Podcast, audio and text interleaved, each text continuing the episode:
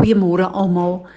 Ja, ons is in die doodsnikke van die laaste Gregorian jaar en dit is met 'n verwagting en 'n afwagting wat ek kyk na waarheen ons gaan oorstap. Uh, ek glo dat ons is besig om 'n tyd in te gaan waar ons so 'n kragmanifestasie gaan sien in en deur ons en rondom ons oor wie hierdie God is wat ons dien. Ehm um, ek wil met julle praat ver oggend oor geloof want ek besef dat in uh, die midde van al hierdie goed wat aangaan in die wêreld ook in ons eie land op hierdie stadium word ons geloof regtig baie baie aangeval. Ek het geluister na uh, iets wat ehm um, uh, Ken Kersfees sê en dit het my baie beïndruk en ek het besef dit het vir my 'n verstaan gegee van wat aan die gang is gedurig in ons geloof. Ons weet dat die woord sê geloof uh, behaag God. So hoe meer my en jou geloof op 'n plek is waar ons dit in werking kan stel, hoe meer behaag ons God en hoe meer kom God se hand in ons lewens en in ons land in beweging. Uh, hy het gekom en hy die skrif in 1 Petrus 1 uh van vers ehm um, uh 5 of uh gelees. Vers 6 ek kan dit net vir julle lees. In this you rejoice greatly.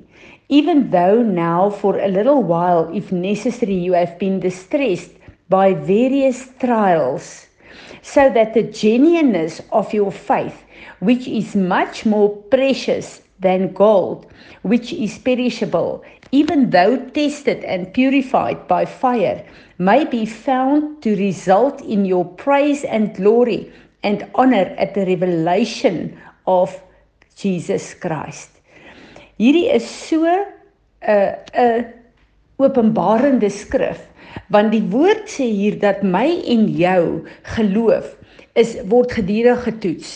Deur wie word dit getoets? Deur die vyand want hy wil sien of ons die woord glo.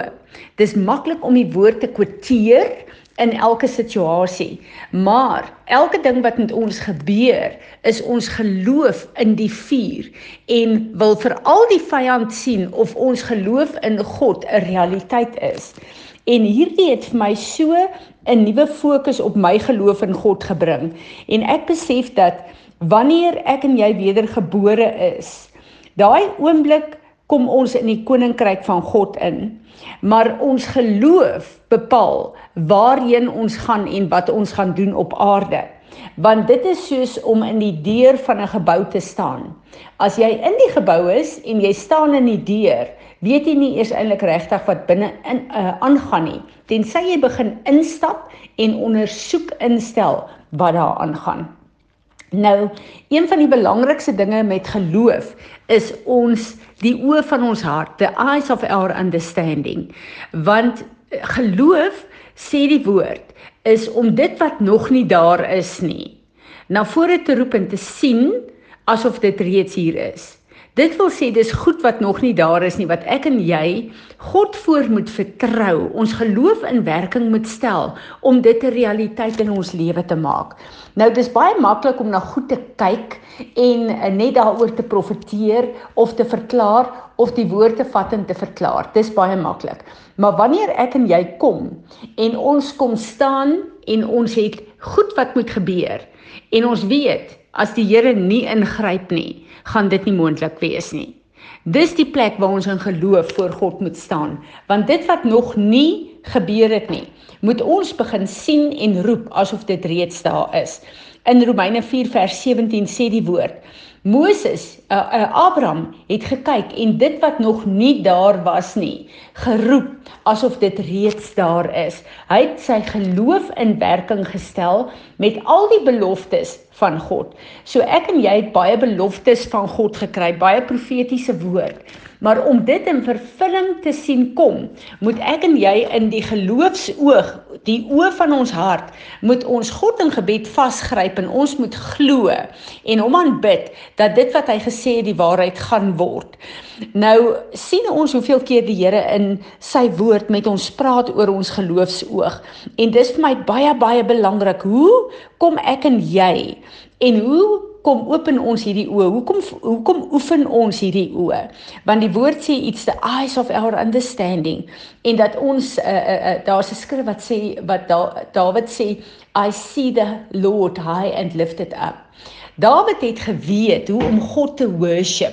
En worship is 'n sleutel om jou geestelike oë, die oë van jou hart oop te maak, sodat ons die troon van God kan sien en sodat ons in die gees kan sien wat nodig is. En Dawid kon God sien, God se teen in God se teenwoordigheid ingaan omdat hy sy geestesoë, die oë van sy hart gebruik het om God te sien. En Dawid se sleutel was worship. Nou dis so interessant as ons sien Johannes 4 vers 23 en 24 sê Jesus uh uh you will worship me in spirit and in truth. Dis baie baie maklik om te kyk in die fisiese en God te aanbid veral as ons kyk na die skepping maar om in die gees hom te aanbid. Dit is waar jy dit wat in die gees is aftrek aarde toe waar die Heilige Gees jou kan lei wat om te bid wat om te sien. Die troon van God Deur ons aanbidding in gees en waarheid is die middelpunt van alles en niks kan in sy teenwoordigheid bly staan nie. So ek en jy het nodig om met die oë van ons hart, the eyes of our understanding, so te fokus en te worship dat ons God se se troon kan sien, dat ons in sy teenwoordigheid kan ingaan. En hierdie is 'n geheim want die oomblik as ek en jy kan ingaan op daai plek in deur geloof, dan moet jy weet, niks niks kan bly staan wat onheilig is, wat siek is, wat uh uh ongoddelik is, wat defiled is. Niks kan in God se teenwoordigheid bly staan nie. So wanneer ek en jy op daai plek is, val alles wat nie in ons lewe hoort nie af van ons af. En dan kan ons in die gees sien wie hy is en al ons onvermoëns en al ons tekortkominge en al daai plekke waar ons glo ons maak dit nie, kan ons onder sy heiligheid kom submit en ons sien met die oë van geloof God se waarde, sy vermoëns, sy krag. En die oomblik as ek en jy dit sien, kan ek en jy kom en ons kan dit trek na ons riem toe. Dit is wanneer God se teenwoordigheid in ons lewe so 'n werk doen. En ek en jy moet weet dat uh die geloof wat hy ons gegee het om wedergebore te word is net om in te kom in hierdie koninkryk in my en jou se geloofsoog en die uh uh vlak van geloof soos wat ons na God toe nader is uh wat ons bring op 'n plek van waar ons God behaag en waar ons soos Abraham kan dit wat nog nie daar is nie aftrek tot in uh hierdie fisiese riem.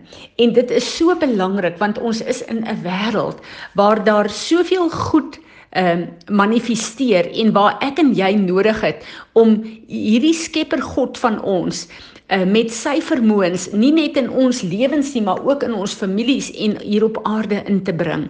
En dit is vir my so belangrik dat uh, ons sal besef ons is in 'n samelewing vandag waar alles so maklik oopgevou word waar daar oor die wêreld heen hierdie grace teaching was wat mense baie van gehou het want hoekom? Hoekom het hulle so daarvan gehou? Dit beteken hulle hoef niks van hulle kant af te doen om 'n uh, 'n uh, uh, God in hulle lewens in te bring nie. En 'n uh, 'n lewe en 'n verhouding met God sonder geloof is dood. Jakobus sê, geloof sonder werke is dood.